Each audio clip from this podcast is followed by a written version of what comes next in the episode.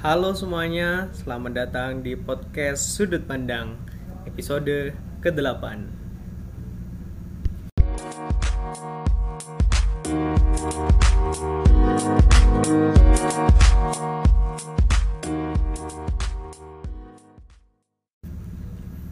Nah, teman-teman, terima kasih ya udah mau mendengarkan sampai episode ke-8 kali ini.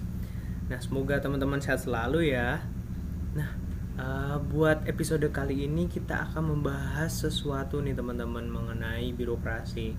Nah, mungkin dulu uh, di episode episode sebelumnya kita udah pernah bahas soal apa itu birokrasi ya. Jadi nggak perlu aku ulang ya teman-teman. Nanti kalau misal uh, belum paham atau kurang ini bridgingnya nanti teman-teman bisa uh, play dulu episode sebelumnya. Nah teman-teman jadi topik yang akan kita bahas kali ini yaitu artificial intelligence akan menggantikan peran dari pegawai negeri sipil. Nah kalau kita membicarakan atau berkaitan dengan yang namanya artificial artificial intelligence nih teman-teman pasti erat hubungannya dengan yang namanya teknologi kan pastinya di mana di era disrupsi seperti sekarang kayak yang katanya apa era 4.0 nih di mana banyak sekali uh, semua kegiatan ini beralih dari yang uh, banyak kegiatan yang datinya berbasis offline ini pindah ke online. Banyak sekali kegiatan yang uh, berganti yang tadinya bisa uh, dilakukan secara dar, uh, luring atau luar jaringan ini berpindah ke daring atau dalam jaringan yang di mana hal ini disebabkan karena keterbatasan kita untuk berinteraksi dan berkomunikasi secara langsung karena sedang adanya pandemi COVID-19 ya teman-teman. Jadi nggak boleh nih uh, kita uh, deket-deketan dulu nih kita jaga satu sama lain dulu ya teman-teman. Nah sebenarnya pandemi ini juga memiliki sisi positif nih teman-teman Di mana jika kita lihat dari perspektif perkembangan teknologi.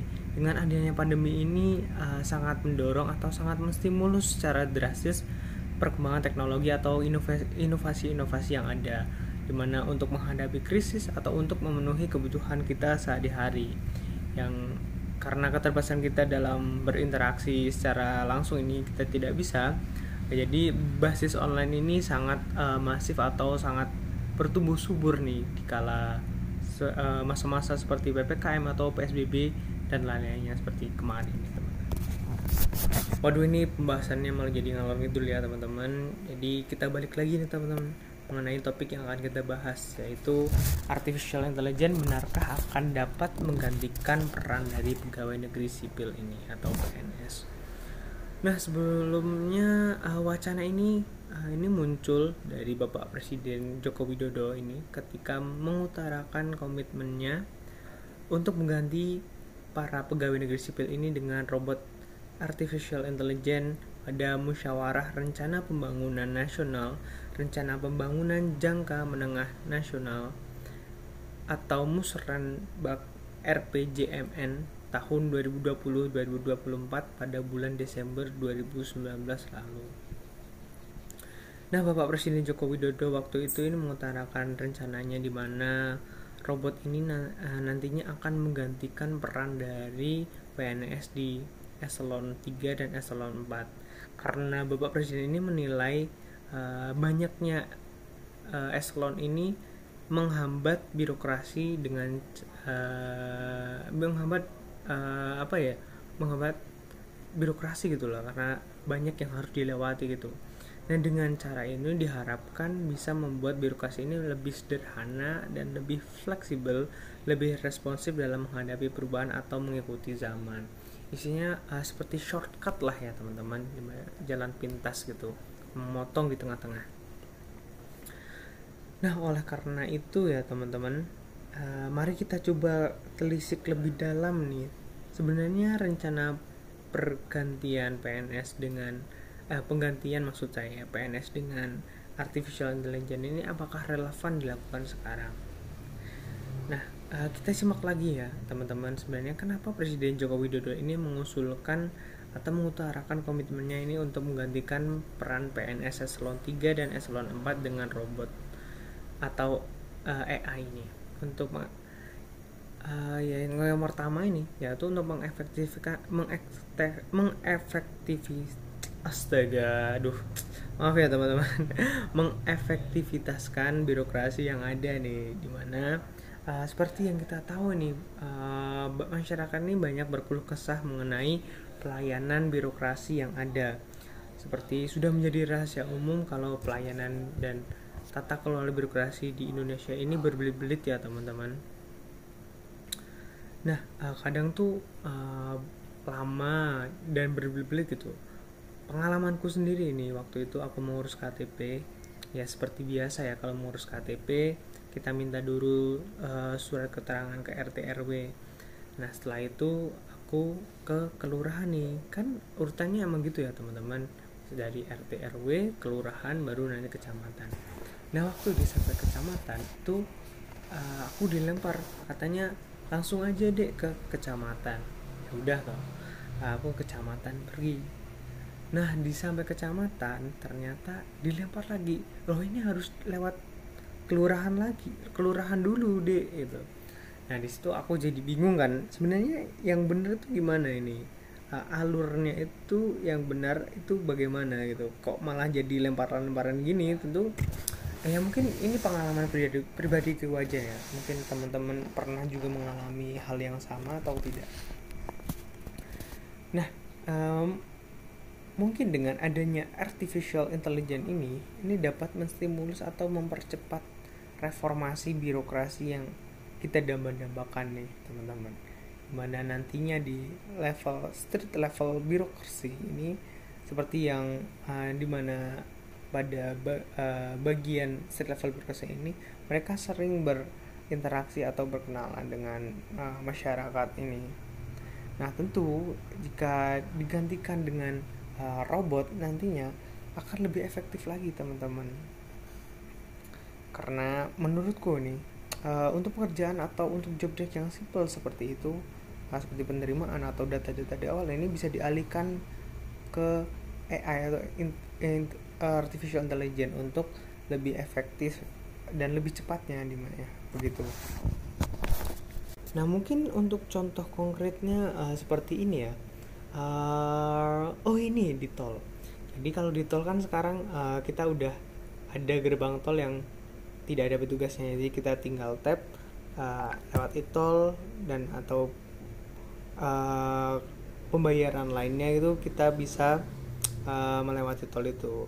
Jadi nggak harus uh, ada penjaga uh, untuk melakukan pembayaran di tol gitu Nah, uh, diskursi dalam street level birokrasi ini dapat juga nih teman-teman memantik terobosan inovasi dalam mewujudkan uh, birokrat sebagai pelayanan masyarakat, bukan sebagai tuan. Mana dapat dilakukan dengan mulai dari langkah kecil seperti uh, dalam mengantri ini tidak usah lagi dengan uh, kertas atau apa pun lainnya, melainkan dapat dengan uh, lewat Google Form atau platform-platform sejenis dan uh, untuk mendorong paperless nih ya karena uh, semakin ke sini nih uh, pemerintah pemerintah atau jalannya birokrasi ini juga harus tetap berkelanjutan gitu. Berkelanjutan di sini uh, berkelanjutan dalam uh, menjaga alam gitu. Karena uh, menurutku banyak sekali kertas atau hal-hal lainnya yang terbuang sia-sia uh, misal ketika fotokopi gitu fotokopi kan kita kadang suruh fotokopi banyak gitu gitu tuh kan. Butuh kertas. Nah otomatis kan butuh banyak juga pohon yang ditebang ini. Nah kemudian nih teman-teman dengan hadirnya teknologi atau artificial intelligence ini tentu akan sangat membantu dan memudahkan kita apalagi yang membutuhkan pelayanan yang cepat gitu. Karena terkadang uh, pelayanan di Indonesia ini sangat berbelit-belit dan lama sekali ketika pengalamanku sendiri waktu mengurus KTP itu uh, ada sekitar dua bulan aku harus menunggu. Dan pengalaman lainnya nih uh, ada yang bisa sampai eh, enam uh, bulan itu baru jadi. Alasannya uh, ada yang mungkin blankonya nggak ada lah uh, bahan pencetakan KTP-nya yang nggak ada lah ya. Banyak sekali apa ya uh, problematik-problematik yang ada gitu nah mungkin bisa ditegaskan sekali lagi ya bahwasanya mungkin di mungkin di tingkat street level birokrasi ini dapat digantikan dengan yang namanya AI atau uh, robot atau artificial intelligence gitu. Karena pastinya kan kalau yang namanya manusia kan ada capeknya. Apalagi kalau harus bertemu orang banyak uh, konsultasi atau apa pun itu kan pasti ada yang namanya lelah ya. Nah mungkin dengan nantinya digantikan dengan mesin ini akan jadi lebih cepat baik dari penerimaan maupun dari pendataannya di awal gitu. Karena jika kita lihat dari, sisi perspektifnya di mana uh, begitu banyak uh, apa ya dengan hal tersebut ini dapat mendorong reformasi birokrasi yang ada. Istilahnya dalam kata lain ini uh, seperti yang udah aku bilang tadi shortcutnya gimana agar uh, pelayanan itu menjadi lebih cepat dan lebih responsif gitu nah tentu uh, sama halnya dengan yang namanya perubahan ya. Pasti ada hal-hal yang harus diperhatikan dan hal-hal yang harus dibayarkan.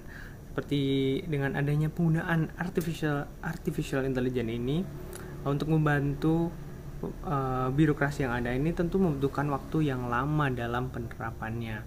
Ya memang sudah beberapa uh, layanan ini digantikan tapi untuk perubahan secara menyeluruh ini pasti akan membutuhkan waktu yang lama karena mungkin butuh penyesuaian dari keadaannya butuh uh, waktu dalam pengadaan alatnya, butuh waktu untuk melatih operator-operatornya apabila nanti terjadi masalah atau untuk pemeliharaannya. Nah, mungkin selain membutuhkan waktu yang lama ini juga pastinya membutuhkan dana yang uh, tidak sedikit ya mengenai untuk pengadaan alat-alatnya. Di mana itu pasti akan menambah beban dari APBN yang tentunya uh, akan berimplikasi kepada uh, perekonomian uh, perekonomian uh, negara kita sendiri ini. Nah, kemudian nih uh, tantangan lainnya adalah uh, mengenai pemerataan, di mana kita tahu Indonesia ini terdiri dari beribu-ribu pulau ya teman-teman. Ini akan menjadi tantangan tersendiri bagi pemerintah untuk menyamaratakan uh, atau istilahnya agar semua rakyat Indonesia ini mendapatkan pelayanan yang sama seperti yang tertuang dalam um, Pancasila ayat Pancasila pasal kelima ya teman-teman mengenai keadilan sosial bagi seluruh rakyat Indonesia. Di mana uh, sering sekali nantinya jika penerapannya pasti kan ada uji coba. Nah uji coba ini kan pasti dilakukan di tempat terdekat nih di mana yaitu pasti uh, Jawa ya teman-teman. Nah uh, stigma Jawa sentris ini mengenai pembangunan ini uh, menurutku menjadi rahasia umum ya teman-teman. Nah oleh karena itu ini juga menjadi tantangan bagi pemerintah sendiri agar terselenggaranya uh, pemerintahan atau birokrasi yang setara, adil dan untuk semua orang. Baik itu uh, dari daerah 3T pun ter, terluar uh, terisolasi atau dalam. Nah kemudian nih uh, tentunya selama masa transisi ini uh, pasti akan memakan waktu yang lama dan pasti akan muncul pergolakan dalam penyesuaiannya karena nggak uh, akan mulus-mulus saja ya teman-teman yang namanya perubahan nah bergantinya pelayanan dari yang dilakukannya oleh PNS ini kemudian dilakukan uh, oleh artificial intelligence ini perlu ada tahapan-tahapan lebih lanjut ini. Nah, namun tantangan selanjutnya ini agar menjaga keberlanjutan ini dari proses awal hingga proses akhir ini dapat berjalan uh, secara uh, mulus atau baik.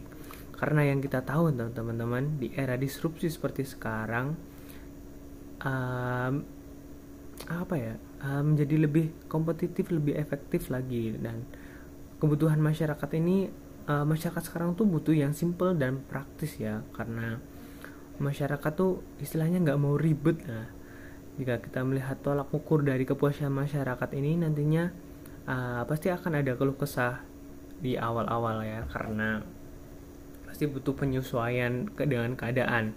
Nah, namun menurutku untuk ke depannya ini malah akan meringankan gitu karena uh, ya udah bebannya itu udah di awal gitu. Nah sisanya nanti tinggal uh, penyesuaian dan ya udah kita jalan lagi seperti biasa nah tentu uh, yang menjadi tantangan tersendiri juga mengenai pemerintah yaitu pergantian atau pemangkasan dari pegawai negeri itu sendiri yang nantinya akan digantikan oleh mesin apakah nantinya akan ditugaskan untuk mengoperasikan alatnya atau menjaga atau maintenance alatnya ataupun lain-lainnya.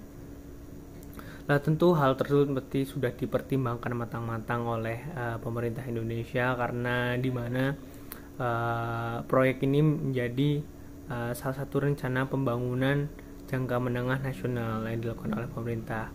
Tentu sudah ada kajian dan sudah ada hitung-hitungannya yang sudah pasti ya teman-teman nah, tapi tentu uh, keadaan di lapangan dengan keadaan data itu pasti akan berbeda. Nah, oleh karena itu kita juga harus uh, bersama ini mengawal isu ini, mengawal perubahan reformasi birokrasi ini agar dapat berjalan dengan lancar.